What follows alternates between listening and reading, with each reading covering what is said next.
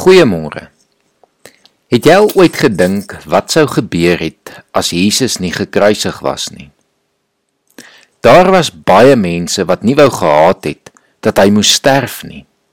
Petrus was selfs bereid om met sy swaard te beklei en te veg sodat Jesus nie gevange geneem moes word nie en nie uitgelewer sou word om gekruisig te wees nie.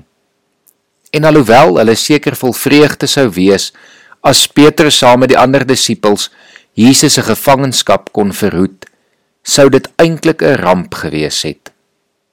Ons moet onthou dat Jesus in daardie laaste aand voor hy gevang is om gekruisig te word, reeds geweet het wat voorlê. Ons lees in Matteus 26 vers 37 dat hy in Getsemane vir Petrus, Jakobus en Johannes saam met hom geneem het diep in die tuin in. Hy het doodsbenoud geword en vir hulle gesê om daar te bly en saam met hom te waak. Hy self het nog 'n entjie verder gegaan en daar gekniel om te bid. Hy het gebid en gesê: "My Vader, as dit moontlik is, laat hierdie lydensbeker by my verbygaan. Moet nogtans nie doen soos ek wil nie, maar soos U wil. 'n Rukkie later het Jesus hierdie gebed gaan herhaal. Ons lei dus af dat daar 'n deel van Jesus was, iets in sy menslikheid wat nie eintlik kans gesien het vir die kruisiging nie. Maar gelukkig het hy gebid, nie soos ek wil nie, maar soos U wil. Laat U wil geskied.